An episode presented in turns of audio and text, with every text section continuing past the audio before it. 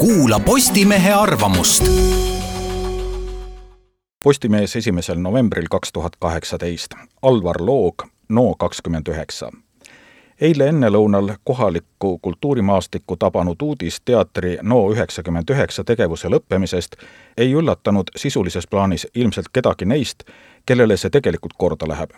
Bioloogiast kujundit laenates võiks väita, et võimas ja väärikas, ent pealtnäha täiesti pehkinud puu vajus kokku omaenese raskuse all, ei kasvanud taeva, ei jäänud ilma sambaks. Kultuuriministeeriumi ühel konkreetsel eelarvereal neliteist aastat tagasi vanalinna stuudio välja vahetanud NO üheksakümmend üheksa oli nõukogulikus žargoonis väljendatult riiklik akadeemiline avangardteater NO üheksakümmend üheksa suutis seda suhteliselt jaburat ideaali kehastada sellisel viisil ja määral, mida selle projekti otsesed Kultuuriministeerium ega kaudsed rahastajad, maksumaksjad, ei osanud ilmselt alguses loota, veel vähem eeldada Tiit Ojasoo ja Ene-Liis Semperi loomingulisel juhtimisel õnnestus teatril olla ühtaegu nii ajastu väärilisel ning keskkodanlikult konservatiivset elu- ja kunstitunnetust raputaval moel avangardne kui ka populaarne, meeldida nii kriitikutele, auhinnažüriidele kui ka piletiostjatele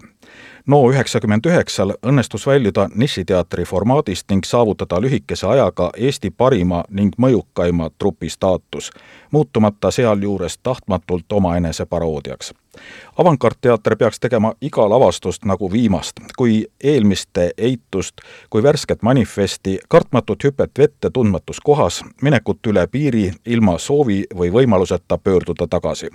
Nende ideaalide valguses meeldib mulle tõlgendada NO üheksakümmend üheksa eilset otsust oma tegevuse enneaegse lõpetamise kohta kui selle teatri viimast lavastust. seega siis NO kakskümmend üheksa, kui järgida teatri seniste lavastuste äraspidisele kronoloogiale tuginevat tähistuspraktikat.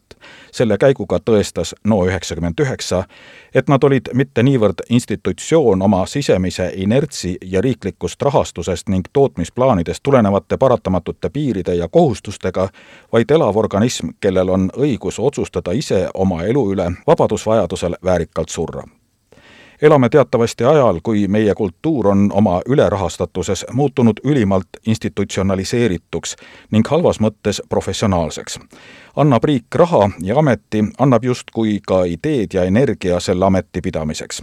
ükski riiklik kultuuritöötaja või institutsioon ei lõpetata siis, kui on otsa lõppenud ideed ja, või publik, vaid siis, kui lõpeb rahastus. riiklik ettehool tagab, et Kultuuriministeeriumi haldusalasse kuuluva kultuuriasutuse surm ei tohiks enam alluda bioloogilistele seaduspärasustele. kui see saabub, siis üksnes bürokraatliku otsusena ülalt alla NO üheksakümmend üheksa läks eilse otsusega laiali mitte nagu riiklik kultuurikollektiiv, vaid nagu punkbänd. see otsus polnud bürokraatlik ega pealesunnitud, vaid isiklik ja vabatahtlik, mitte majanduslik, vaid loominguline. selles on mitte üksnes väärikust, vaid ka avangardsust